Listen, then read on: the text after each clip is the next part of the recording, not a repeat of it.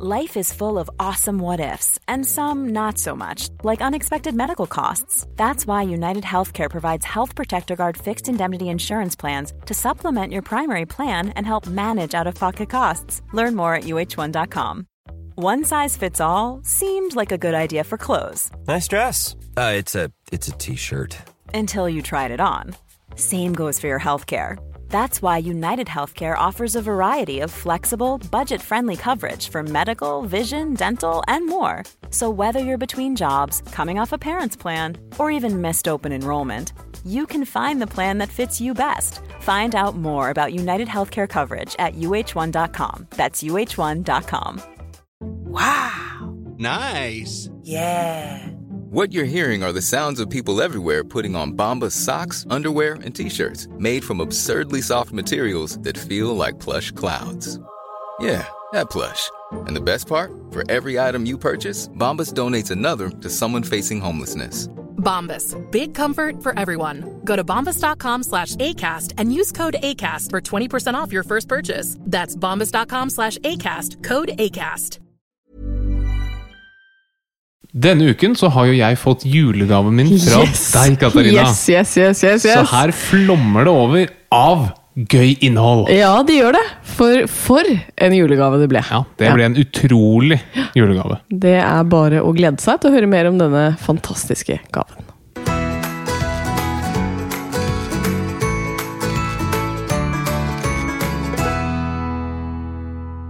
Hjertelig velkommen til en ny episode av Åpen journal. Takk for det. Det er veldig hyggelig å få lov til å være her. Ja, det er bra du syns det er det, og det virker som du har god energi. Jeg har masse energi, og den er god. Ja, det er veldig bra. Eh, og det er på en måte det motsatte av det vi skal snakke om i dag. Ja. Ja, fordi i dag så skal det handle om det å møte veggen. Hva er tegn på at du har strukket strikken for langt? Det var litt vanskelig å si.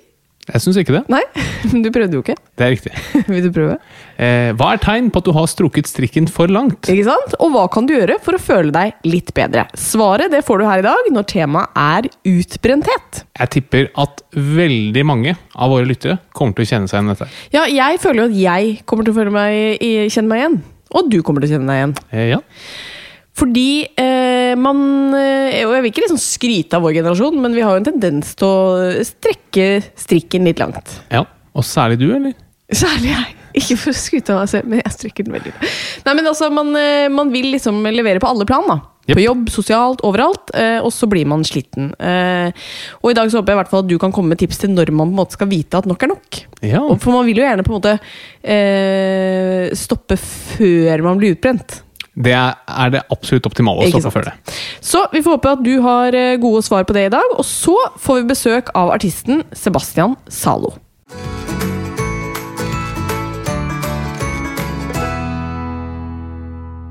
Vi startet jo hele denne episoden med å snakke om en fantastisk julegave. Og jeg vil bare ønske deg god jul og godt nyttår. Ja, takk for det. Og ingenting sa god jul som den gaven jeg fikk fra deg. Det vil si, eh, til jul i år så fikk du hva? Jeg fikk nøyaktig det samme som jeg ga til deg i jul i fjor.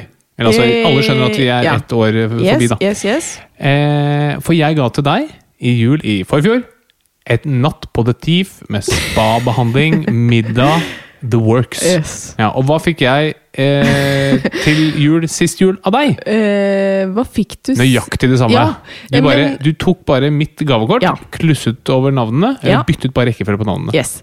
Eh, og du fikk, men du fikk jo nå en spesiell dato. Så mamma og pappa hadde jo da fått i oppgave at de skulle være barnevakt. Ja, og det, det kan å legge til. Den oppgaven ga du til de lenge etter du ga meg gaven. Nei, de fikk den på julaften. okay. Når du pakket opp gaven. Ja. Så eh, det var på en måte greit. Jeg hadde jo ikke booket hotellet.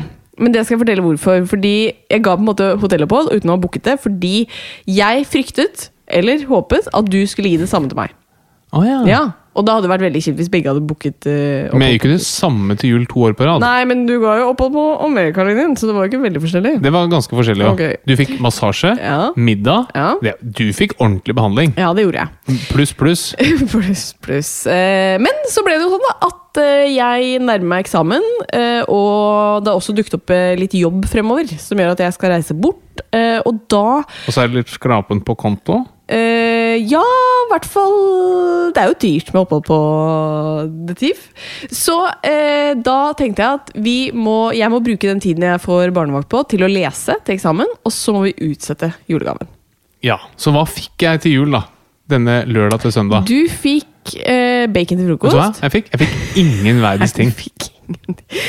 Nei, og så har jeg vært ganske sliten også, så ja. Mest begredelige julegaven jeg har fått Ja. Men så er det jo sånn at uh, det kan jo være grunner til at, uh, andre grunner til at uh, jeg ikke kunne gi deg julegave i år. Ikke sant? Ikke bare er det eksamen, men det kan jo være litt skrapa på konto, som du sier. Ja. Fordi jeg Har jo hatt en eventyrlig reise på børs, blant annet. Ja, det Altså, jeg må bare si det at med krig i Europa, det går ikke Det er ikke grønne tall på min børs, for å si det sånn. Men det var vel ikke det før krigen Nei, det heller? var ikke det heller. Det var ikke det heller. Men da var det pandemi. Yes. Så det er mange ting som spiller inn her, Ja. som er vanskelig å forutsi. Men det fins folk som har tjent penger i fjor. Ganske mye i fjor var et fantastisk år for børsen. Var det det? Ja. Uh, det er jo ikke noe jeg kjenner meg igjen i. Men uh, det har jo gått penger til andre ting òg. Jeg har fått uh, parkeringsbot. Det har du. Ja. Og den klarte jeg veldig lenge å holde skjult for deg. Ja, for det Hvem har du lært det av? Min mor. Din mor, ja. Når hun får eh, parkeringsbøter, som ikke er rent sjeldent, så sender hun bare bilde av de til meg, og så må jeg betale de, og så vippser hun til meg. Yes. Fordi de har også felles konto, si, felles økonomi, sånn som deg og meg, og da blir det veldig synlige. Yep. Så du gjorde det samme? Du prøvde å holde det skjult for meg? Ja. Eh, Men du, du knakk under press? Jeg knakk under press, eh, fordi Ja, men jeg er veldig dårlig på å holde hemmeligheter. Eh, eller sånn eh, Jeg kan holde hemmeligheter hvis folk vil at jeg skal holde en hemmelighet, men jeg er dårlig på å lyve om noe jeg føler jeg burde sagt. Ja. Og så var jeg så livredd, for det var en veldig dyr bot! Altså 900 kroner! Altså, Parkeringsvakter må jo være blant de rikeste i landet. Ja, det må de. Uh, og det var jo parkering forbudt, da. Men det er jo generelt ganske mange ting jeg gjør som jeg ikke sier til deg. Ja, Ja. nå er jeg veldig spent. Nei, altså, men der har jeg bare lyst til å ta opp en ting, og jeg tror dette er eh, relativt eh, Ikke nødvendigvis så veldig interessant for de som hører på, men eh, dette er jo en god mulighet til å snakke sammen, den podkasten her. Ja, jeg ville kanskje holdt sånne ting utenfor podkasten. Men det var bare én ting jeg lurte på, fordi det er ting jeg ofte gjør som jeg ikke sier, fordi jeg får kjeft for de minste ting, for du er veldig pertentlig på ting. Men blant annet så er det eh, når jeg skal dusje, og når du skal dusje, så vil du at vi skal trykke på en knapp som tar på en vifte i taket. Ja. Men så fungerer jo den vifta slik at den går jo på av seg selv. Ja, når den merker en viss mengde fuktighet Ja. i lufta. Og da er mitt spørsmål der, hvorfor i alle dager må jeg skru på den vifta før den merker at den For da har det bygget seg opp for mye fuktighet. Det er derfor den slår ut, den vifta. Ja, men den tar jo unna det. Ja, men eh, den tar nok ikke unna det. Det er nok bedre å starte den litt før, så du aldri kommer opp i de nivåene av fuktighet. Altså, Hvis dere hadde visst hvor mye av det her som preger min hverdag Sånn er du på veldig mange ting. Ja, men jeg er en ordentlig fyr. Ja, Men det er litt slitsomt. Ja, det skjønner jeg. Men ellers så går det bra med oss. Ellers, ellers så går det bra. Ja, Det er veldig bra. Jeg har med meg noe nytt fra medisinen i dag. Jeg. Spennende. Nei, det har jeg ikke. Jeg har noe nytt fra studiebenken. Ja vel. Enda mer spennende. Ikke sant? Eh, det skjønner jeg. Men denne uka så er det litt eh, spennende, fordi jeg har vært på obduksjonssalen. Mm. Som eh, gjest. Eh, heldigvis, som gjest. Ikke som eh, Hva kaller man det hvis ikke det er gjest? Pasient. Pasient.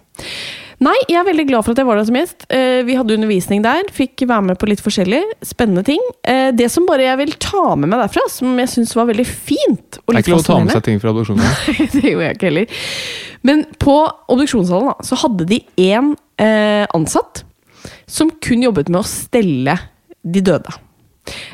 Og det som var veldig fint, at det var altså mengden energi hun la ned i å stelle de døde, var altså så fint. Og jeg tenkte herregud, så bra at det fins mennesker som deg. For hun eh, hadde jo da sminke, hun hadde parfyme, hun spurte mm, eh, pårørende om hun kunne få et bilde av den avdøde, så hun kunne se hvordan de likte å sminke seg, sånn at hun sminket de på samme måte. For de skulle se helt like ut. Ikke sant? Den er jo Den er grei. Den er, den er innafor. Den er me- medioker. Den er, det er dårlig, men det er innafor. Men ikke sant, det er fint at det finnes sånne mennesker. Det er det hun gjør hver eneste dag. Det er veldig flott. Ja, Det er fantastisk hvor Ja. mange sånne mennesker som er. Går på jobb hver dag, Ja. gjør en jobb som for mange kanskje er litt eh, vanskelig, Ja. men som gjør det likevel. Helt supert. Og som mange av oss ikke vet at finnes engang. Så det, det gjorde litt inntrykk, og jeg ble veldig glad for at eh, det fantes, sånn at jeg også kan se godt ut når jeg en dag ryker med. Yes. Det kommer litt an på da, hvordan du ryker. Det kan jo være at uh, selv sminke og parfyme ikke gjør jobben. Mest sannsynlig gjør det ikke jobb. Men for de som eh, eh, uh, det hjelper på, ja. veldig flott at det fins. Enig. Tusen takk.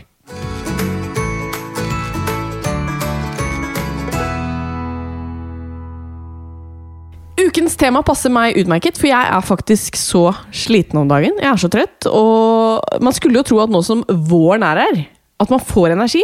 Men nei da. Den suges ut av meg. Men er det vår? Fordi min kone hun Ja. jo, har jo mange gode utsagn som er Yes. middels nøyaktige. Ja. Og hva sier du om vår? Jeg sier at våren kan komme tidlig, men husk at det alltid snør i april eller mai. Ja, For jeg er, husker aldri om det er april eller mai. nei, det, er, det er jo bare én av de. Ja, det er mest sannsynlig en av de. Eh, så det blir veldig spennende å se. I år får vi kanskje svaret. Ja, du sier at det alltid snør i enten april eller mai? Men dagens tema er altså utbrenthet, og det trenger jeg og sikkert veldig mange flere litt eh, kunnskap om, Harald. Hva er tegn på at man er utbrent? Altså, Utbrenthet er jo en følelse av å være både fysisk og mentalt helt utslitt. Og Den følelsen den kommer gjerne gradvis, og den skyldes som regel arbeidssituasjonen. Um, og når jeg sier gradvis, så betyr det at dette er noe som utvikler seg over flere måneder til faktisk flere år. Og Forklaringen her den er at man har brukt litt for mye ressurser over lang tid. At man rett og slett har kjørt sitt kall det mentale batteri helt flatt. Man kan jo sammenligne det litt med at man hele tiden bruker mer kalorier enn man spiser. Det går jo bra ganske lenge, fordi man har mye å tære på. Men plutselig så er det ikke mer å tære på, og da sier det stopp. Da er det ikke mer å hente. Og det er tilstanden man kaller utbrenthet. Men øh, det høres ut som det kan være liksom vanskelig å skille fra det å være sliten. Eh, nei, altså Slitenhet det er jo en helt vanlig reaksjon på en Ja. kortvarig overbelastning. Og slitenhet kan jo være veldig positivt. Vi trener jo f.eks. For, for å bli slitne. Eh, eller man kan være sliten etter å ha hatt en tøff dag eh, eller en tøff uke på jobben. Men så tilpasser vi gjerne aktivitetsnivået, sånn at man klarer å hente seg inn igjen. Men ved utbrenthet så henter man seg ikke nok inn. Nei. Så at man går hele tiden litt i minus, uke for uke. Og til slutt så, så sier det stopp. Og det man da gjerne kjenner, det er at man er som helt tom. Man orker ingenting. Man er veldig mye trøtt, føler veldig lite overskudd eh, og føler lite glede. Og det, det handler jo om denne kroniske eh, stressituasjonen som man da lever i. Altså Man klarer ikke å skru av denne stressbryteren. Og man gjør kroppen så vant til å være stresset at den aldri klarer å slappe helt av. Og Derfor så er man veldig sliten og trøtt. Men samtidig så kan man kjenne på sånn uro, en sånn indre uro, muskelspenninger og muskelsmerter. Og Det høres veldig ubehagelig ut. Ja, det er veldig slitsomt, men jeg tror nok flere og flere lever langs denne aksen her nå. Altså Vi sliter med å koble av, sliter med å virkelig få slappet av, kjenne på denne indre uroen. Bare se hvor mange ganger man tar opp mobilen. at Man kan ikke stå på en eh, trikkestopp engang i noen minutter og bare titte ut. Det er mobilen opp med én gang. Ja. Og det er nok et uttrykk for den indre uroen som eh, mange kan gå og kjenne på. Men noen mener jo at utbrenthet det går i, over ulike faser. Hvordan da? Altså Det går i hvert fall gradvis. Um, og det starter typisk med at man kan bli liksom litt mer irritabel eller litt mer motivert eh, på jobb. Og så orker man eh, mindre og mindre. Og så kan man gå over mer i depressive symptomer. Altså at man har manglende evne til å glede seg over ting. Man har mindre overskudd. Og en del kan også få angst eller panikkangstanfall. Og så er det vi kaller psykosomatiske symptomer ganske vanlig. Og psykosomatisk betyr at man har problemer sitter kanskje mer i det mentale, men det manifesterer seg i kroppen. Som man kjenner med, med kroniske magesmerter eller hodepine, hjertebank og svimmelhet. Det er veldig vanlige symptomer på dette. Men Hva kan være årsaker til at man blir utbrent? da? Nei, Det er dette her kroniske stresset man lever i, at man, man tærer litt på ressursene. Og det er jo gjerne personer som stiller veldig høye krav til seg selv. Altså personer som sliter med å si nei, eller som er veldig samvittighetsfulle, som får eh, dette her. De nedprioriterer gjerne seg selv og egne behov, gjerne for å tilfredsstille andre, og jobber veldig mye for å få ekstern anerkjennelse.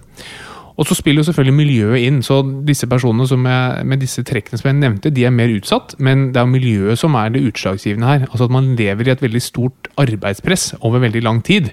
Og gjerne også de som har lite kontroll over egen arbeidshverdag. De er ekstra utsatte. Ok. Men Finnes det noe man kan gjøre for å minimere risikoen for å bli utbrent? Ja, det gjør det, heldigvis. Eh, og man kan jo gjøre forebyggende tiltak både på en arbeidsplass, men også for den enkelte personen. Og igjen så handler det om hvordan man kan klare å redusere belastningen på personen, og gi den personen mestringsstrategier som gjør at man takler arbeidssituasjonen mye bedre. Og eh, det er jo enorm variasjon i hvor mye vi mennesker tåler å jobbe. Og veldig mye av det, det handler om hvordan man takler et høyt arbeidspress. Noen bruker jo veldig mye energi på å tenke om andre er fornøyde, om man har gjort en god nok jobb, føler at man må være tidligst på jobb for å vise at man jobber hardt.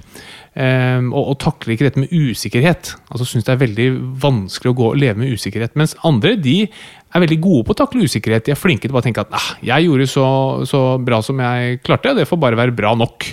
Eller for meg er det ikke så farlig om jeg kommer litt for sent på jobb hver eneste dag. Det spiller ikke noen rolle, jeg, jeg er god nok som jeg er. Og alle kjenner jo personer i begge ender av den skalaen her.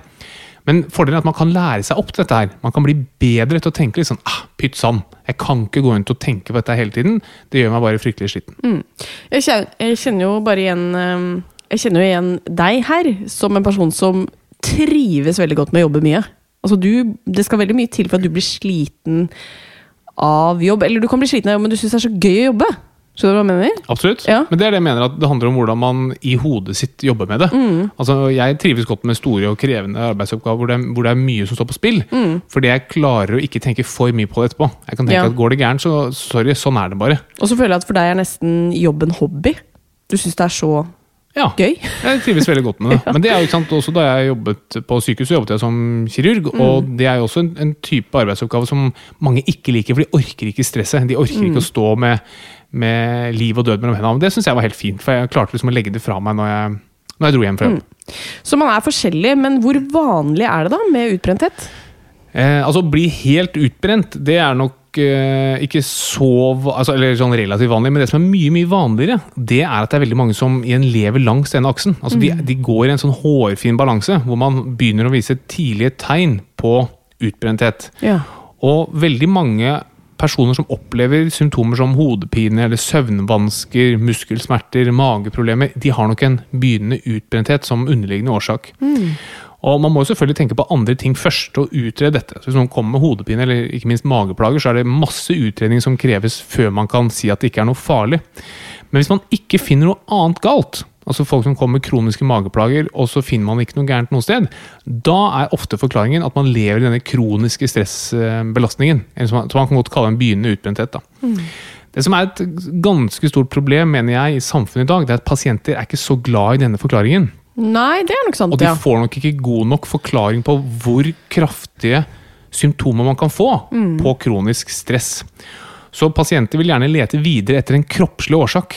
De vil gjerne finne det viruset, eller den bakterien, eller den konkrete diagnosen som gir en forklaring på dette her, som ikke har noe med stress eh, å gjøre. Og det ønsket forstår jeg kjempegodt. Eh, problemet er bare at det er ekstremt skadelig for pasienten. Fordi du fokuserer ikke på å behandle det og gjøre pasienten bra. Man fokuserer på å prøve å finne en eller annen ekstern årsak til det. Ja, det er sant. For Man kan jo tenke seg hvordan veien videre er hvis man, hvis man kommer med, med disse plagene her. Kommer du til en lege som sier at du, du er nok overtrent, eller du har nok overbelastet deg en stund. Her får du et opplegg for meg som betyr at nå må vi trappe litt mm, mer ned på jobb. Vi må putte inn litt mer ting som gjør at du trives og får overskudd. Så tror jeg du får ganske gode utsikter. Men hvis du kommer til en lege som sier at nei, du får nok en diagnose som f.eks. ME, da tror jeg løpet er kjørt for veldig mange. For du blir så passifisert.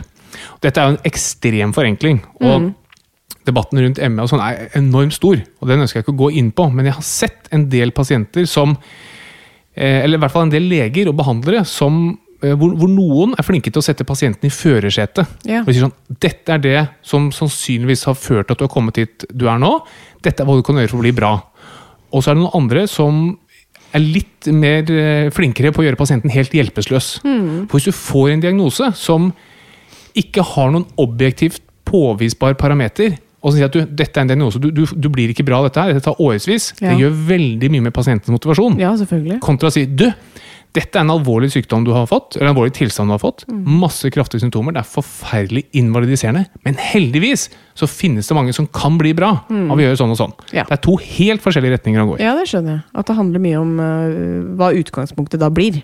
Nettopp. Ja. Men altså, er det en tid i livet man er spesielt utsatt for å bli utbrent? Ja, kvinner er dessverre mer utsatt enn menn. Og uh, jo yngre man er, uh, i, i arbeidslivet i hvert fall, jo mer utsatt er man. Så hvis man er en, en eh, kvinne tidlig i arbeidslivet, så er man mest eh, utsatt. Det Ja. handler jo ofte også mye om selvtillit. Og eh, selvtillit når det kommer til jobb, blir gjerne større og større jo lenger du har jobbet. da. Så unge kvinner tidlig i arbeidslivet er mest utsatt for dette. her. Så kan jeg jo tenke meg at man kvier seg litt eh, for å gå til legen med det å være sliten. Fordi man ofte er, kanskje er litt redd for å være til bry for legen og at de har langt viktigere ting å gjøre. Altså, Når er det man skal gå til legen med det her? Nei, Dette med at det er vanskelig å gå til legen, det har jeg aldri skjønt. Nei, For så det, det finnes leger på hvert eneste gatehjørne. Ja. Det er tilnærmet gratis, og legen har jo mer eller mindre fullstendig taushetsplikt. Mm. Eh, og det finnes ingen viktigere ting en lege har å gjøre enn dette her. Husk på at legenes tid nå, over halvparten går til sånn byråkratisk tullball. Mm. Så å få se en pasient, det er jo en leges store drøm. Så eh, er det noe du lurer på om du kan ha, eller begynner å få, eller mistenker at du kan ha, så må du bare komme deg til legen. Ja. Du har ingenting å tape på det. Det er en times tid, da. Eh, og hvis du får tatt dette tidlig, og får liksom endret kursen, så har du alt å vinne på det. Men hva er det legen vanligvis vil spørre om, da? Hvis man øh, går til legen? Nei, Man kartlegger jo veldig mye, bare snakke med pasienten. Eh, man lukter ofte lunten ganske raskt. da. Det som er eh, litt vanskelig for legene, er at pasienten kommer jo gjerne ikke og sier 'hei, jeg lurer på om jeg er utbrent'. Pasienten kommer gjerne med andre symptomer, som hjertebank er ganske vanlig, eller søvnvansker, kroniske smerter eller hodepine. Og så må man selvfølgelig gjøre en, en hel haug med utredning, blodprøver osv. for å se hva det er. Men eh, hvis man ikke finner noe gærent der, kroppslig, så avdekker man ofte ganske raskt når man bare snakker med pasienten, at de står i krevende situasjoner, og særlig i jobben. da. Stressende jobb over, over lang tid. Og så finnes også konkrete kliniske verktøy som, pasient, eh, som legen kan bruke for å kartlegge om det er snakk om utbrenthet. Men du nevnte at det er eh, lurt å komme seg tidlig til legen hvis man lurer på om man begynner å, å møte den eh, omtalte veggen. Um, altså, når skal man på en måte skjønne at nok er nok, da? Ja, nei, men jeg tror nok man er avhengig av å ha en sånn ærlig samtale med seg selv. Og da kan man liksom kjenne litt på er jeg, hvordan er motivasjonen min på jobb. Er jeg misfornøyd med, med jobbsituasjonen? Føler jeg selv at jeg står i mye stress? Trives jeg? Føler jeg at det er liksom akkurat nok mengde utfordringer på jobb? Stress kan jo være at du har for lite utfordringer på jobb, men også, som i dette tilfellet utbrent, at du har for mye utfordringer på jobb. Og hvis du sliter med å sove, eller at du har eh, mye hodepine, mageproblemer eller andre sånne langvarige plager, så syns jeg man skal bare sette seg i speilet og så være ærlig med seg selv. Og kanskje man til og med skal stille seg spørsmålet én gang i uken. Tærer jeg på reservene mine nå? Leverer jeg mer enn jeg egentlig orker? Og hvis svaret på det er ja, da tyder det på at man må legge om kursen. Og man trenger jo selvfølgelig ikke å gå til en lege for å få disse rådene, men eh, fordi man skjønner som regel selv hva som skal til. Og det også er veldig interessant å snakke med disse pasientene, fordi når du graver og spør, så skjønner de det jo selv. Ja. Men de tør eh, som regel ikke å gjøre noe med det. For de, de, de tror at forventningene utenfra er så høye. Mm. at, ja, ja jeg, jeg skjønner jo selv at jeg burde gått fra jobb da og da, eller tatt meg en fridag, men jeg kan ikke pga. sånn og sånn. Men husk på at du kan bli påkjørt i morgen, du kan dø i morgen. Og da finner jobben en eller annen plan. Ja. Så dette mener jeg den mest mulig positive vinklingen, men jobben klarer seg helt fint uten deg. Uansett hvem du er. Ja. Men du sier jo at eh, man ikke nødvendigvis eh, må gå til legen for å finne svaret på hva man må gjøre, da, eh, dersom man er utbrent. Og da kan jo du i hvert fall gi noen tips her. Hva kan man gjøre hvis man er utbrent, eller nærmer seg å bli det? Nei, Det handler jo om to ting. da. Det ene handler jo om at man må redusere belastningen. På en eller annen måte må man redusere belastningen. Og Ofte så handler det bare om å sette klarere grenser. F.eks. at jeg svarer ikke på e-post etter klokken fem. Jeg er ikke tilgjengelig for jobb etter klokken fem. Eh, Det er en måte å gjøre det på. Så bare, bare finne ut av hva er det som gjør at du går rundt og er stresset hele tiden. Eller er det det at du er redd for å holde presentasjoner på jobb, og allikevel må du holde en presentasjon en gang i uken. Det er jo ekstremt stressende. Da må du enten bare lære deg å holde presentasjoner, eller så må du spørre om du kan få slippe å holde presentasjoner. Ja. Og så er det andre, hvordan skal du bidra til å fylle opp batteriene litt selv? altså Ja. bidra til å øke ressurser. Og da må du også bare spørre deg selv, hva er det som gir meg energi? Hva er det jeg egentlig har lyst til å gjøre? Og det tror jeg mange kjenner på, ikke minst når man får barn. Det er veldig lite sånn overskuddstid du har til å gjøre til, du, til ting du syns er gøy. Så tenker, du En tur i skogen, det hadde vært deilig. Eller Ja. en tur på hytta. Eller en uke på Kanariøyene. Da må du bare si at det, det må være førstepri. Veldig mange, og ikke minst eh, personer som er utsatt for dette her, de setter sine egne behov helt til slutt. Og sier, ok, Får jeg litt tid i løpet av uka, da skal jeg jammen meg ta meg en skitur. eller noe sånt. Men du må bare snu på det. For at jeg skal overleve, for at jeg skal klare å levere, så er den skituren det er det første jeg skal ha på plass i uka. Og så får det andre bare falle på plass etter det. Ja. ja. Så man sitter ofte på svaret selv. Man gjør det, men det er veldig vanskelig å, å dra det ut av seg sjøl. Og derfor kan det være fint å snakke med noen, f.eks. en lege. Finnes det medisinsk behandling, da? Ja, det finnes heldigvis veldig effektiv behandling mot, uh, mot utbrenthet, og man blir bra. Selv om man kommer liksom helt i enden her og er helt uh, klink uh, flat og utbrent, så finnes det behandling. Og den starter med alt, altså Det viktigste er informasjon og forklaring. Forklare pasienten hva er det som har skjedd, og hvorfor har det skjedd. Eh, det hjelper ganske mange. Og så det som også er egentlig fint, er å bruke et annet begrep enn utbrenthet. Ja. Fordi når noe har brent opp, da kommer du ikke tilbake. Nei. Men sånn er det ikke for oss mennesker. Eh, Så kanskje man skal heller si utladet. Ja. Fordi hvis du sier at ja, nå er jeg helt utladet, da handler det om å lade opp batteriene. Og bare det med å bruke riktige ord har en del å si for hvordan vi ser på denne, denne tilstanden. ja. Kan man få sykemelding for det å være utbrent? Eh, nei, vet du hva? egentlig så kan man ikke det. For utbrenthet er ikke en klinisk tilstand. Nei. Ehm, og det gir ikke rett til sykemelding. Nei. Men eh, leger er jo kreative folk, så man finner jo andre diagnoser som ligner, som gir rett til sykemelding. Så f.eks. psykisk ubalanse, situasjonsbetinget, mm. er en fin diagnose som eh, gir sykemeldingsrett. Og som man kan klistre på disse pasientene her. Ja, nå tenker jeg at uh, på en måte er det jo litt urettferdig, på en måte. At man må bare um, bli klistra på en annen diagnose, egentlig, da. For den kan jo følge deg litt. Eh, Nei, husk på det er jo taushetsplikt rundt dette her, da. Så Mm. jeg er helt enig at det ville sannsynligvis vært lettere. Fordi man, man mener jo ikke at man ikke skal få sykemelding hvis man har den tilstanden. Nei. Men dette er jo sånn helsebyråkrati. Som, eh, noen regler som er firkantet. Og det er som med lover. Det, finnes, det er aldri sånn at eh, det ikke er noen lover som gjelder. Men de kan være litt dårlig formulerte. Så må du bare få det til å passe sånn cirka. Men da er det store spørsmålet hvor lang tid det tar vanligvis da, å bli frisk. Nei, Det kommer selvfølgelig helt an på når man kniper det. Ja. Hvis du er flink til å oppdage dette tidlig, så kan man jo gjøre en kursendring på en dag. Ikke sant? Det handler jo bare om å se for kalenderen for neste uke. Hva er det jeg vil? Hva er det jeg har lyst til å gjøre? Og så må man tørre å si nei, og man må tørre å skuffe andre litt. Mm. Og som regel så er den skuffelsen mindre enn man tror. Men hvis du har gått, dette er en, en fullstendig utbrenthet som har tatt flere måneder å utvikle, kanskje flere år, at du har stått i en eh, høy arbeidspress over flere år, da kan det ta lang tid å komme tilbake. Det kan ta flere måneder til flere år. Men igjen, det handler om hvilken lege du møter, hvilket støtteapparat du har.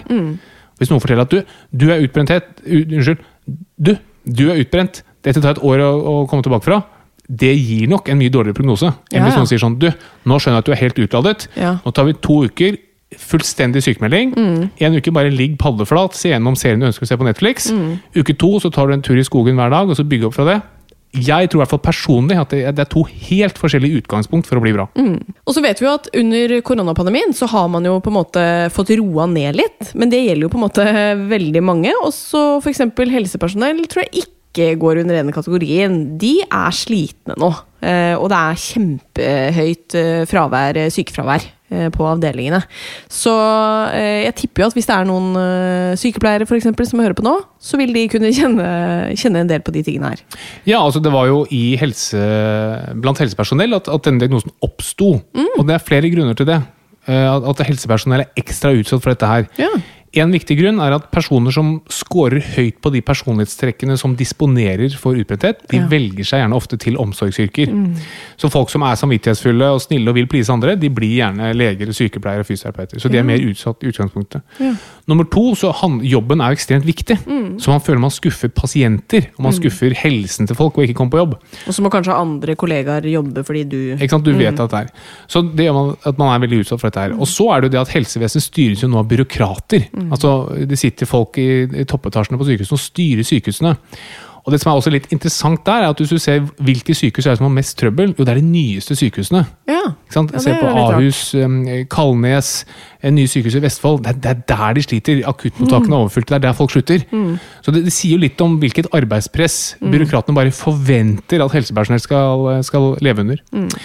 Så ja da. Nei, man er utsatt som helsepersonell, dessverre. Mm. Men du kan ikke ta vare på andre hvis du ikke tar vare på deg selv. Den er det fint å avslutte denne temadelen med. Ja. Ja.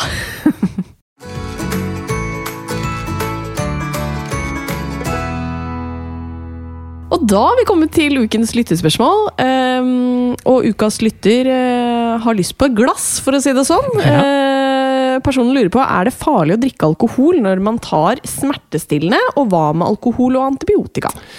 Eh, nei, det er ikke farlig. Ingen av delene? Nei. Nei. Hvis du særlig hvis vi tenker på reseptfrie smertestillende, altså som paracetamol og ibuprofen, så er det ikke noe farlig å kombinere det med alkohol. Uansett hvor mye? Selvfølgelig ikke. Eh, det er farlig å drikke mye alkohol. Ja. Det er farlig å ta mye også reseptfrie smertestillende over tid. Ja. Men kombinasjonen i seg selv er ikke farlig. Ehm, det har jo noen effekter som gjør at det kan være litt mer skadelig sammen. F.eks. paracetamol og alkohol det brytes ned i leveren. Sånn at du, du, eh, du sliter mer på leveren hvis du kombinerer det. Men si at du eh, drikker litt eh, vin hver dag, og så får du en skade som gjør at du må ta paracetamol en kort periode. Ingen problem. Nei! Og antibiotika også. Antibiotika? Nei, ingen problem. Flott. Altså, det er mange, det er sikkert mange som nå vil si at jeg er helt uenig, og hvis du bruker antibiotika, så er du så sjuk at du ikke skal drikke. Det er jeg enig i. Det er jo en annen ting, ja. Men det er ikke noe Mm, farlig å kombinere det. Ingen interaksjon. Nei. Og så finnes det også noen antibiotika som man før trodde var farlig med alkohol. Det er ikke det. Så, bruker. Det er gladhet, altså, ja. Hvis du bruker antibiotika, bare drikk i vei. Men selvfølgelig med måte. Ja. Og det fins jo andre helseeffekter som ikke er så bra med det. Så spørsmålet, Men du svarte på spørsmålet. Er det en interaksjon her? Nei, det er det ikke. Det er ikke noen interaksjon. Flott, da veit vi det. Bra.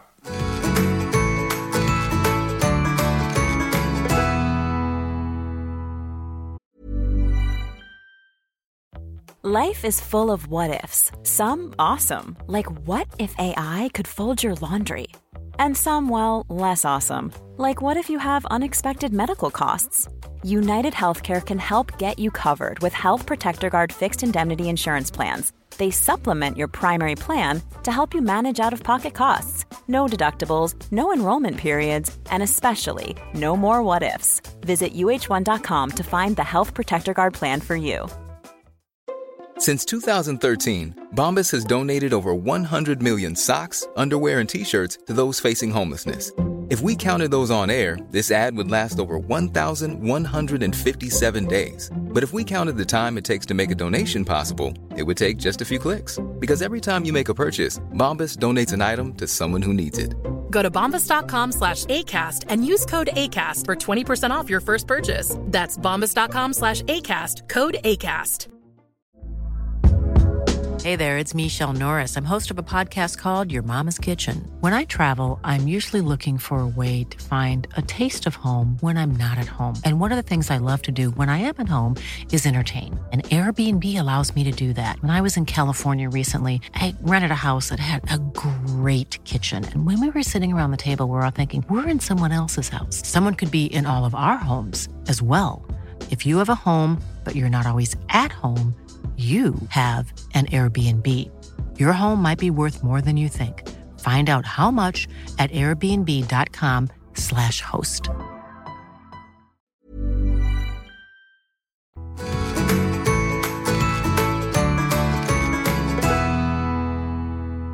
Og da har vi fått besøk inn i studio, og det er eh, Sebastian Zalo. Hjertelig velkommen. Tusen takk. Hvordan har du det om dagen? Jo, jeg har det fint, altså. Jeg gjør det samme gamle som jeg har gjort eh, den siste tiden. Og hva er det? Ja, Prøve å forske litt på nye sounds med gutta jeg jobber med. Øh, bare følge rutinen med trening og se fotballkamper og ja. Å, så deilig. Mm. God rutine når du nevner fotballkamper. Det tenker jeg er sånn Ja, ja, men man, man må ha noen få fotballkamper. Altså. Men sånn Det du er ser visse- på eller spiller? Nei, jeg spiller ikke. Jeg uh, ser på. Du ser på. Jeg er fan. Hva er laget? Chelsea. Nei, vi er manager, skjønner du. Ja, Så Ja, er trist, dere ligger vel rett over oss uh, nå? det er jo et godt stykke. Nei, Det er ikke så godt stykke, er det det? Det er litt for mye til vår smak, da. ok. Uh, Men du nevner at du trener, da. Har du liksom en ganske god rutine for det? Ja, jeg pleier å trene ganske sånn rundt fem, seks, syv sånn på morgenkvisten. Og så, Oi, og så starter dagen etter det, på en måte. Mm. ok. Hver morgen, eller? Ja. Du, da er du sikkert ganske biff i kroppen. da. Du har på deg en eh, litt stor skjorte, så er vanskelig å se. Ja, men uh, sånn bifftrening gjør jeg ikke. Jeg, jeg, står, jeg, står, jeg står liksom ikke og trener armer og sånne Nei. type ting. Så det er mer sånn For eksempel, jeg hadde veldig dårlig, dårlig knær fra fot- fot- fotballen. Så jeg har trent mye, mye bein, men da har det vært liksom retta mot at knærne skal Så, så går liksom ett trappetrinn opp og ned med vekter i hånda, for eksempel. Og, Ok, smart. Sånne, der, sånne der små så, sånne type ting. da Så jeg går ikke for å bli biff. eh, Nei, skjønner. Det gjør du. Jeg går for å bli biff, jeg bare lykkes ikke, lykkes ikke så veldig godt med det. Nei. Ja, men jeg, jeg, jeg, hadde jo når jeg begynte, så ville jeg gå opp i vekt, og sånn, men jeg, jeg, jeg skal ikke liksom stå der og prøve å Jeg syns det er veldig imponerende at du klarer å holde ut med de der tålmodighetsprøvene. ja. Eller treningen. Fordi Mm. sånn som når du nevner sånn gå opp og ned, prøve å trene opp et kne som er ja. ødelagt. Det er så kjedelig. Ja, det er, det er det dritkjedelig. I hvert fall- I hvert fall i starten når alt gjør vondt. Ja. Og knær skal jo ikke noe Hvis, hvis det gjør vondt, så må du gi deg. ikke sant? Så det er sånn åh, Ja, og Da ble det 30 sekunder med det nå i, i dag, på en måte. Eller noe sånt. Men eh, når du først liksom begynner å ru- rulle litt, så, så er det gøy, da. For da Mm. Oi, kan jeg gjøre det? Oi, jeg kan, jeg kan stå sånn. Kan, nå kan jeg gå to trappetrinn om gangen nedover. ikke sant? Så er det, oi. Så da er du flink til å ta vare på kroppen, høres ut som. Ja, prøver det. Ja. Eh, Hvilke andre gode vaner har du? Nei, eh, bare Jeg er jo liksom nøye med hva jeg spiser. At jeg prøver, prøver alltid å liksom få i meg mat sånn at jeg aldri er ordentlig sulten. Og mm. al- aldri kanskje ja, der, der er jeg ikke like flink, da, men jeg prøver, prøver å ikke bli sånn ordentlig mett heller. liksom. Finne sånn med mellomting. Men Ja. jeg blir, blir ganske det er liksom, no, no, Noen av de middagene blir litt store. Altså, jeg, Ja. jeg, jeg, jeg overvurderer hvor mye jeg kan spise noen ganger. Og så har jeg en sånn der som sitter i meg for mamma, mamma at man må spise opp. Selv om jeg lagde det til meg selv. Og, mm. ikke sant? Så da sitter jeg der, da. Eh, men eh, jo, sånn matvanene mine har blitt ganske bra. I hvert fall i forhold til hvordan de var før. Ja. Hva spiser, har du noe spesiell diett? Er du Jeg, jeg, spi, jeg, ja, jeg spiser mest vegansk, men jeg er ikke noe sånn eh, jeg, jeg får i meg ost også. Ja. Spiser du kjøtt? Nei, ikke kjøtt eller fisk eller Ingenting? Nei. Selv om du får det servert? Ja, da sier jeg nei. Sier bare ja, mm. Har du merka noe forskjell etter at du kutta ut de tingene? Ja, ja. ja jeg, jeg merka stor forskjell. Hvordan da? Bare på fordøyelsen min og hvordan jeg føler, føler meg. sånn. Og så ble jeg mye mer sånn Det kom til et punkt hvor eh, Det, det, det, det var sikkert mange faktorer, men det kom til et punkt hvor kroppen sa veldig tydelig fra hva som funka og som ikke funka for meg. Ja. Hva funker ikke, da? For deg? Alkohol har ikke funka for meg i det hele tatt. Nei. Kjempedårlig for magen min. Uh, Melkeprodukter funker ikke. Eh, jeg skjønte jo med en gang jeg kutta i kjøttet at oi, shit, det er sånn man kan, man kan føle seg sover her. Liksom. Man kan ha det sånn. Ja, ja, så, så, så kjøtt og sånne ting. Litt sånn sånn luftig mat funker ikke så bra for meg. Jeg er med på sånn brokkolier og uh, gull, gulrøtter og sånne type ting. Oi. kanskje. Men er du det opptatt av protein og det sånn? Men det er- men det er sånne ting som jeg har lært nå, nå ny, nylig. da. Ja. Fordi, ja, fordi jeg har vært litt sånn nøye på det og, og bli kjent med en som kan, kan litt om det. og sånn. Eh, Men på proteiner sånn, så er jeg liksom, jeg får meg mye proteiner. Hvordan da? Med bare gjennom mat og tempeh og tofu og øh, bønner eller linser. Ok. Eh, Og du holder, du holder deg fast til eh, dietten? ja. Men jeg har ikke spist sånn, jeg sluttet å spise kjøtt for sånn seks, år siden. Ja. Og vegansk og sånn. Jeg, bare, jeg, var, var bare ikke så nøye. da Det kom bare til punkt Å shit, nå er jeg kjempesulten. Jeg må bare ha en pizza eller jeg må bare ha, ha noe. Nå kommer det aldri sånn Jeg har med meg mat nå i sekken til, rett etter det her, sånn at jeg spiser. Ok. Har at jeg, ja, sånn at jeg ikke skal bli um, sulten. Så Hva jeg har du med deg passer da? på. Da, da har jeg med en wrap med noe salat og oppi forskjellige ting, og så tempeh i noe sånn saus som jeg har stekt på. Mm. Men dette imponerer meg, fordi det, det, var, det jeg egentlig hadde tenkt å spørre om, er jo at ikke sant, det høres jo så bra ut å ha en sånn sunn diett, men samtidig så føler jeg bare sånn livet skjer, og man har ikke tid, og jobb, og så reiser man herfra og videre. Men da har du jo planen klar. Mm. Du har med deg matpakke. Ja. Imponerende. Hva har du i matpakka i dag, Harald? Eh, nei, jeg har ikke med noe særlig matpakke. Jeg har til og med hoppet over lunsjen i dag. Så, Nei. jo, Nei. ja. Så du kommer til å bli sånn eh, muggen utover Jeg kommer til å bli tiltagende muggen utover i episoden, så det er bare å sette seg godt til rette. Kan spole sånn fra Jeg tror det. start til slutt, og så hører du bare helt Samme skjønne. forskjellig eh. Blodsukkeret blir bare lavere og lavere. Ja, Ja, men Det er litt interessant at du er veganer, for du ser jo ut som en ganske sånn røff type. ja, ikke sant? Men, eh, så er man det kan sånn, være eh, røff og veganer. Rødt på utsiden. Men jeg, jeg er ikke 100 veganer. Jeg får i meg ost. Og, ja, Ja, så ja. så det, det må sies. Jeg er ikke en Ja. av de, det er jo nesten det er en religion for noen. Ja, det er det. Og det å være ve ve vegansk, da, da skal ikke noen dyr bli såra under prosessen. Og det kan ikke jeg det, det, det, det klarer ikke jeg å stå for. på Nei. Nettopp. Og så syns jeg ost er så godt. Ja, det er akkurat det. det, er akkurat det. Ost er livet. Ja, ja. Du spiser jo mye kjøtt, du, frue. Eh, ikke så mye kjøtt. Hender jo det blir en liten pølsebit òg. Nei, men herre. Vi har gjester i studio. Synes jo- jeg Ja, beklager. jeg beklager. jeg trekker tilbake. Eh, men har du alltid vært opptatt av helsa di? Uh, nei, nei, Nei. nei, det er jeg ikke. Det var en periode hvor uh, Jeg har nettopp sluppet en tape uh, som, eh, som er dedikert til uh, best, bestekompisen min. Og han var bestekompisen min da han, da han ble drept og døde da han var 18 år. Uh, og etter det så Først så tok jeg veldig vare på meg selv, for det er det man da, uh, Så må man heale seg selv og liksom gjøre positive ting, spise godt. Og, ikke sant? For Hvis ikke så blir det bare verre. Og så når jeg på en måte følte at ja, nå har jeg naila det, så bare slutta jeg. Da var det liksom bare oppgaven jeg skulle gjøre med musikk og sånne ting som var viktig, karriereting og sånn, så slutta jeg å tenke på liksom helsa mi. Ja.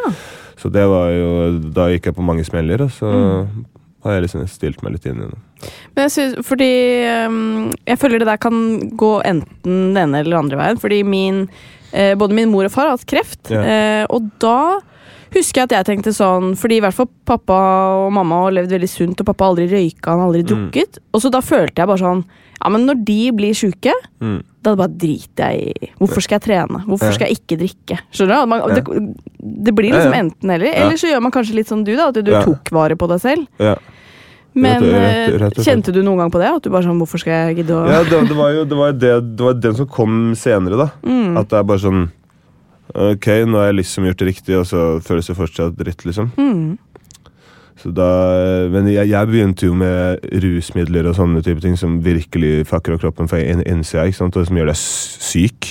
Både psykisk og fysisk. Så jeg, jeg øde, øde, ødela meg selv skikkelig en per, per periode, og det tok jo flere år å på en måte komme seg på plussida igjen. da. Mm. Hva slags rusmidler var det, da? Det var antidepressiva for det meste, men det var noe smertestillende og sånn. Og Men Som du kunne- fikk resept på? være- Nei, nei. nei, Nei, Som du tok illegalt? ja, Ja, også antidepressiva? Kjøpte på, kjøpte på sånn dark web og sånn. Og så for eksempel hvis jeg er ute på byen, så kunne man ta en linje kokain, eller Jeg dreit i det. Det hadde Ja, ja. liksom ikke noe å si. Det var, Tilbød du meg noe, noe du kunne fortelle meg det, er, det her er rent, og de kommer til å ha, ha, ha det fett, så var jeg sånn Ok, greit, kjør på. Ja, ja. Mm. Men det har du slutta med? Ja, ja. Ikke ja. Men, Det men dette du kjøpte, at du tok eh, antidepressiva, var det fordi du, du følte deg nedfor, eller? Ja, det var, men det skjønte jeg jo ikke da. Uh, men det var jo på grunn av Det, det var i 2017 sånn, Bestekompisen min dør i, i 2016 mai, og så i 2017 i november så er jeg avhengig av antidepressiva. Det henger jo litt sammen. Ja, ja, Liksom. selvfølgelig. Men det, det, det tenkte jeg jo ikke da. Uh, Bortsett bortsett fra liksom under denne perioden hvor det har gått en del uh, uker eller må- må- måneder, eller man, man får liksom dårlig tids, tidsperspektiv også, men i, i, I den prosessen så går det fra at det er gøy i starten, og du føler det blir bra, bra og sånn, og så er det bare monoton. monoton. Og det eneste i meg, sånn jeg så meg selv i speilet, sånn, så minte det meg på at Benjamin var død. Så, så, så det, det kom jo fram Det, det kom jo ut fra, eller opp fra over, overflaten liksom at det, ja, det her er det er, det er derfor, det er jo det du prøver, prøver å holde, holde nede, liksom, at du fortsatt savner han. Mm. Ja, Du skjønte det? jeg skjønte det etter hvert. Mm. For det, det, er bare, bare se meg selv i speilet minte, minte, minte meg på det. Det var Ja. sånn, Du kom ikke unna det til slutt. da. Nei. Nei. Men var du hos legen eller noe sånt, og så prøvde du å gå som vanlige veier for å Nei. Nei. Jeg bare dro, dro hjem til Ja. Mm. Ja, for det, jeg har ikke hørt, altså, Dette med, illegale rusmidler er ganske vanlig, men antidepressiva For det gir jo ikke noe rus, da. ikke sant? Så det er jo, Jo, det er jo det, er jo det her at du, du, du, har en, du, du, blir- du får null frykt. da. Null sånn Null, eh, null eh, eh, følelser. Så hvis jeg nå hadde vært, vært på det her, da, så kunne jeg bare tenkt ok, nå henger jeg rundt i området her, la oss se hva som er inne i bygget her. Kunne jeg kommet meg inn, inn her, bare liksom følt null sånn skam for at jeg bare går inn på jobben det- deres. Gått inn her, tatt av deg br br br br brillene, og så begynt å le at dere ble sure. Ja. Å, ja. Og så, sitter, og så sitter vennene mine etterpå Å fy faen, altså, det var dritlættis, jeg gikk inn der og gjorde de og de tingene. Og, og da, da har jeg ikke den frykten som, som vanlige mennesker får. da Når du bare Oi, hvor, hvor er jeg nå? Så hun rart på meg nå? Eller burde jeg ikke være her? Det var null så, sånne, sånne, Mm. sånne ting. Så det er en rus i, i seg selv. sant? ja den, den skjønner jeg. Det Ja. tror jeg nok alle kunne hatt litt Og det er, når du er, det, det er jo ikke når du får under uh, sofistikerte rammer hos legen, så får du jo en liten do dose der hvor du liksom bare demper den angsten du har. Mm. Men jeg bare o- o- overskrider av alle grenser og bare fjerner all angst i, i hele verden. på en måte da. Det var Mm. det, så, sånn det føltes i starten. Og så blir det bare monotont. Ingenting er gøy, og ingenting er Det er bare en, den blanke følelsen. da, på en måte. Hvordan kom du deg ut av dette her, da? Jeg vet ikke, Det er sikkert mange faktorer, men man merker jo at eh, folk man er glad i, begynner å trekke seg unna. og Man begynner å leve et liv man ikke vil ha. det. Mm. Og du, du ser hvor det er på veien. Mm. Gjorde du det med hjelp fra noen? Eh, hovedsakelig bare å, å åpne for mamma og være hjemme, og så, og så gå ut i verden igjen etter en, to ukers tid cirka.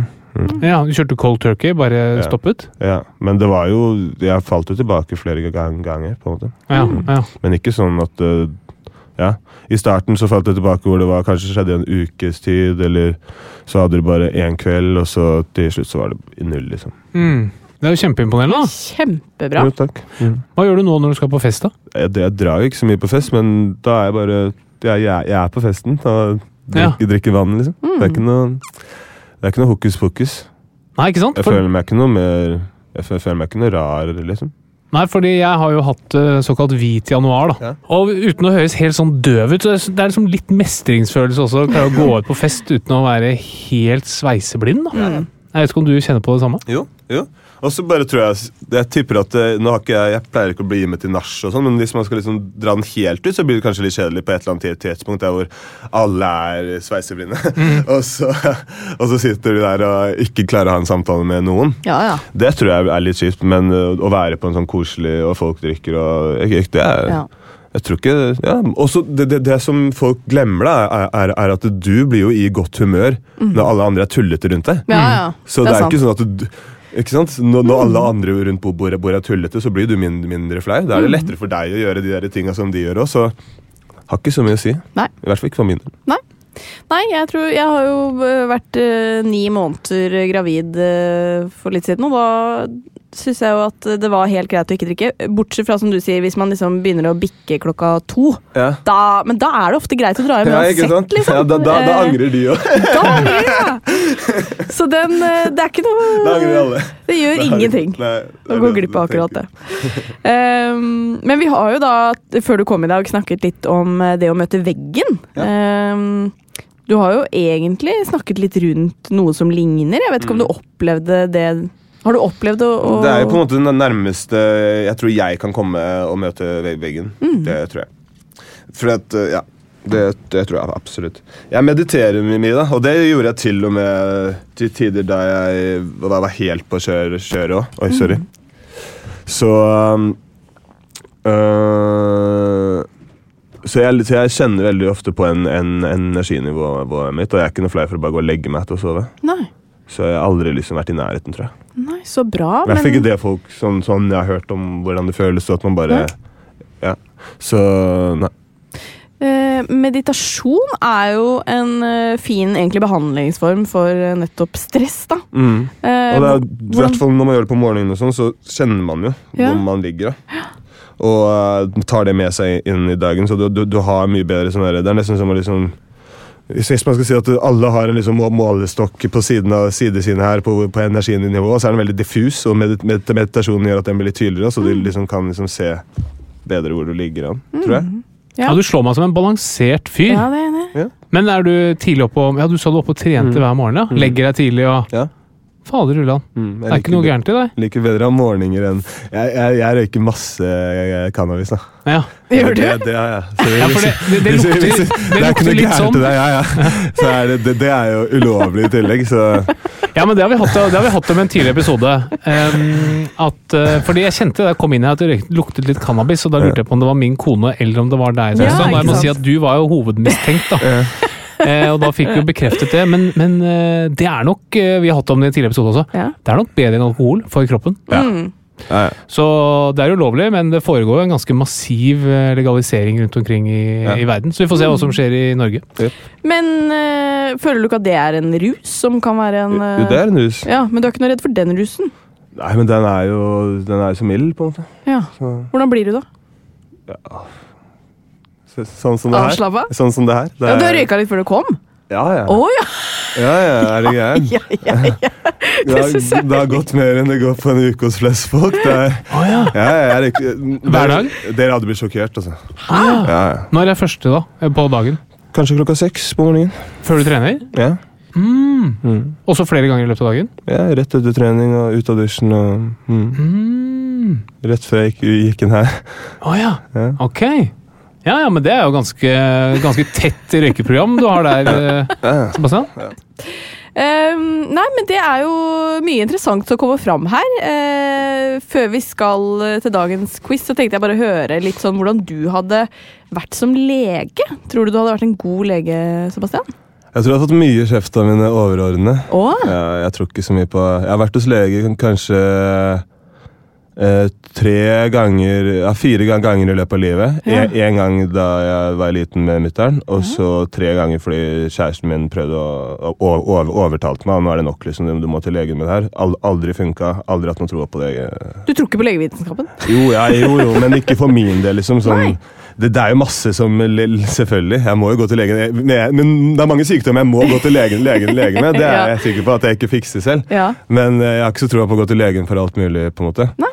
Og ja, jeg hadde sikkert ikke prøvd Og jeg er ikke så glad i å følge reg regler. Mm.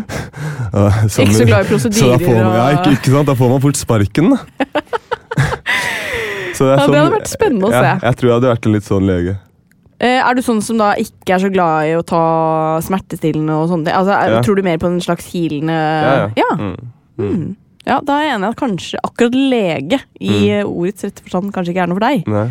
Tror Men TNL til gjengjeld er jo artist eh, kanskje midt i blinken, da. Ikke sant? Da, det var det det jeg også tenkte. Og det er jo det er veldig bra vi er litt forskjellige. Jeg tror jeg hadde vært en dårlig artist. Ja, det, det, er, det er jeg helt sikker på, faktisk. Ja, det er jeg også. Eh, Er du sånn som tror på sånn krystaller og sånn? Eh, Hvordan da? Nei, du vet sånn eh, Er ikke det noe sånn eh, Man har sånn steiner, Ja, og, og så kan det hile? Ja, Ja, ja, jeg tror at steiner kan hile. Ja, ikke sant? Absolutt. Mm. jeg føler der er man liksom enten er man i den kategorien, eller så er du som I hvert fall jeg føler jeg er veldig sånn Smal. Ja. Mm. Ja. Og det er ikke alltid så bra. Fordi ting er jo litt mer eh, Jeg tror, jeg, jeg, tror man, jeg, tror man, jeg tror man blir veldig kjedelig av å være eh, Unnskyld? så vitenskapelig orientert. Ja, men man gjør det. Det tror jeg. Ja, det er helt Jeg tror man har et mye rikere liv og, og fikser mye mer av å ha et litt åpnere sinn. Mm. Ja. Men eh, hvor god er han i quiz, Harald? Ja, hva tror vi, Sebastian? Vi tror ikke at han er så god. Jeg tror ikke han er så god. Nei, det blir spennende. Du kan overraske, og jeg kan overraske. Ja. Vi kjører quiz. Og med oss i dag har vi stud med Katrina Flatland. God dag. Hei, hei. Og så har vi Sebastian Zalo, som har varmet opp med en feit bønne. Yes. Det har jeg også. Jeg også. Har du også? Jeg også. Ja. så får vi se om det gir noen fordel. da. Hva slags feit bønne har du varmet opp med, Flatland? Nei, en sånn der um, Du vet den der Rema 1000, de bønnene. Ja, Kidney-bønne. Mm, ok. En sånn. Jeg tok en sånn klin gæren! Ikke bare er hun pen, Sebastian, hun er også fryktelig morsom. Tusen takk for det. Og dette lever jeg med hver eneste dag. Deilig. Men vi starter enkelt. Eh, Sebastian, hva heter hormonet som regulerer søvn? Melatonin? Nei, mel, melan, nei, melatonin? Katarina? Er det Tor? Melanin? Me, melanin? Sebastian er, Er det helt melatonin? rett! Melatonin! For Jeg melanin er det, det som jeg har, ikke du har. Det er helt Jeg har Jeg har litt, jeg har litt av det. ja. Jeg har litt av Ja, det. jeg ser bare- det. Jeg ser det. Det er nøttebrunt. Det er nøttebrunt. det er altfor lite. Men uh, dette er veldig imponerende. Det er bra. For du vet at hun her Hun har avsluttende eksamen i Ja, medisin om jeg. tre Ja, jeg ble så usikker at du nevnte meg, og så var det sånn Eller melanin Så ble jeg sånn ja. Jeg, Jeg jeg, skylder på jeg driver psykiske spill, jeg, vet du. Jeg Men det som er huskeregelen min, da, Mm. er at i melatonin så er det to. To dag og natt. Melatonin. Hvis jeg trenger å huske det. Nei, det var en veldig dårlig huskering. Han huska det jo. Ja. Ja. Ok, neste spørsmål. ja. Eh, Sebastian, kan man dø av å ikke sove? Nei. Katarina? Ja, Ja, du kan det. Du kan faktisk dø. så bra. Hva skjer da? Får du hjertestans? Ja, du begynner å, etter hvert begynner å hallusinere Mm. og bli gæren og se ting og tang, og så Ja, hva dør du egentlig av? Kanskje saltubalanse? Kanskje? Ja. Eh, neste spørsmål. Hva er verdensrekorden uten søvn? Altså, Hvor lenge har noen gått uten å sove, Katarina? Oi! Ja, det er et veldig godt spørsmål. Var det i så fall frivillig? Ufrivillig? Eh, det er frivillig. Det er frivillig. Ehm, hva skal jeg tippe? Tre døgn? Sebastian? En måned. Ja, Sebastian, 19 dager. Hæ? Mm, 19 dager. Ok, men han klikka det for til slutt? Ja, det eller? klikka for henne. Eh, Den er uoffisiell verdensrekord. Den offisielle verdensrekorden er ca. 11 dager. De klikka det for. Mm. Jo, Eller den personen klikka det for, men Guinness rekordbok sluttet jo å ta imot sånne ja, det skjønner jeg. For det er jo ikke sånn veldig Ingen, eh, de, de, de ikke fra Nei, de gjorde faktisk ikke det. kommer Å, seg nei. ikke. Nei. Nei. Å, fy faen. Em, okay. Så da er det 2-1 til Sebastian. Det er imponerende i en medisinsk Ja, det var bra. Det var Mm. veldig bra. Du må bytte ut bønnetypen. eh, eh, neste spørsmål. Uh, Katarina, hva slags matvare bør svært stressede personer unngå å spise? Chili og sterk mat. Sebastian? Slik stressende personer. Ja, Hvis du er veldig veldig stresset over lang tid, hva er det du må unngå å spise? Mm, sukker? Utbrente mandler. Sant. Nei, eh, Harald har noen ganger sånne Da blir du utbrent. ordspillvitser blir som han utbrent, syns er ja. veldig Ja, morsomt. Ja, det må du passe på. Veldig morsomt. Harald. Brente mandler er greit, men Veldig utbrente mandler er ikke greit. Husk på det, da. Ja. Hvis du skulle bli veldig stresset. Eh, neste spørsmål. Sebastian, hvilken minister holdt på å bli langtidssykemeldt under koronapandemien? Eh, jeg har null peiling. U... Utbrenthetsministeren. Utbrent Høie. Ikke sant? Ikke sant? Jeg var jo inne på Jeg var det. inne på det. Men ble det et halvt poeng, eller? Nei, det ble ikke. det ble ikke. Så fortsatt så leder Sebastian her. Okay. Eh, Katarina, hvor mange prosent av befolkningen har periodevise søvnvansker? Eh, Det er faktisk én av tre. Sebastian? Mm, jeg ser for meg at uh, Ja, én av tre. Det er egentlig det, det er sånn Ja, det er helt riktig, det er begge to. Tusen Poeng til begge to. Tenk det. Én av tre. Det er ganske, ofte ganske mye. Ja, det er, det er, de, de fleste forteller meg at de sliter. At de sliter innimellom. Eh, Sebastian, hvor mange prosent av Norges befolkning bruker reseptbelagt sovemedisin? Det er fjerde. Katarina? Mm, nei, hvor mange prosent? Altså, hva skal jeg tippe der, da? S- 4 prosent. 10 prosent. 10 prosent? Ja, det er jo poeng til deg, da. Oh, ja, du var så bra, nærmest. da. Så nå er det likt, før siste Oi, oi, spørsmål. oi, så spennende, da, dere. Hvem bruker mest sovemedisin av kvinner og menn, Katarina? Kvinner. Kvinner. Det er riktig. Dobbelt så mye. Da ble det helt likt. det likt? Ja. Ja, men det var hyggelig. Ja, det det, bra. imponerende. Det synes jeg var det er bra. hyggelig. Det er Gratulerer. Mm. Gratulerer til dere begge to. Ja. Tusen hjertelig takk for det. Jeg tapte i hvert fall ikke. Det gjorde du ikke. Det er første gang jeg ikke har tapt det. Så det er veldig bra. Gratulerer med det. Eh, før vi avslutter, så pleier vi alltid å få et tips til eh, vår sønn Bernhard til hvordan han kan bli en fin fyr. Mm. Har du noen tips, eller? Mediter. Det tror jeg vi skal ta med oss videre. Det tror jeg vi også burde gjøre mer av. Ja, ja, men jeg gjør det innimellom òg, ja. Men det. eh, hvordan mediterer du? Bruker du noe app eller noe sånt? Ja, jeg bruker Jeg følger en som heter Dr. Joe Dispenza. Han har en del uh, forskjellige sånn øh, guided øh, meditasjoner. Og, og bøker som forteller uh, vitenskapen og det han, liksom filosofien han følger. Og, mm. Mm. Joe Dispensa? Ja. ja. Hørtes nesten ut som sånn tullenavn. Ja, det var, det var det jeg også tenkte når jeg først så det var sånn. Det her er en film. Ja. Sånn, at han fyren her At det er han jeg leser, liksom. Det er Ja. liksom sånn I read this guy, Joe Dispenza. Det. det er liksom fra sånn Høres litt tullete ut, ja. Ja. Men uh, da skal vi sjekke ut han. Vi skal sjekke ut han, og du har vel en lefse som eh, må spises En snart? Et par. En. Et par? Ja. Et par wraps. Da er det bare å kose seg med bønner, sånn tofu sånn. Og og bønner. bønner og Ja, ja. Hva heter det andre? Soyabønner som man Tapu? er. Tepu? Ja, Eh, tempe. tempe. Det er lagd av soyabønner, så det Ja. er med bønner som man Kan du se? Kos deg med Det er rett og slett mye bønne som Yes. skal fortæres. Vi Yes. sier takk for i dag. Bønner. Ja, vi er tilbake neste uke. Ha det. Ha det. Plan B. Hey, it's Paige DeSorbo from Giggly Squad. High quality fashion without the price tag. Say hello to Quince. I'm snagging high-end essentials like cozy cashmere sweaters, sleek leather jackets, fine jewelry, and so much more. With Quince being 50 to 80% less than similar brands. And they partner with factories that prioritize safe, ethical, and responsible manufacturing. I love that. Luxury quality within reach. Go to quince.com slash style to get free shipping and 365 day returns on your next order. Quince.com slash style.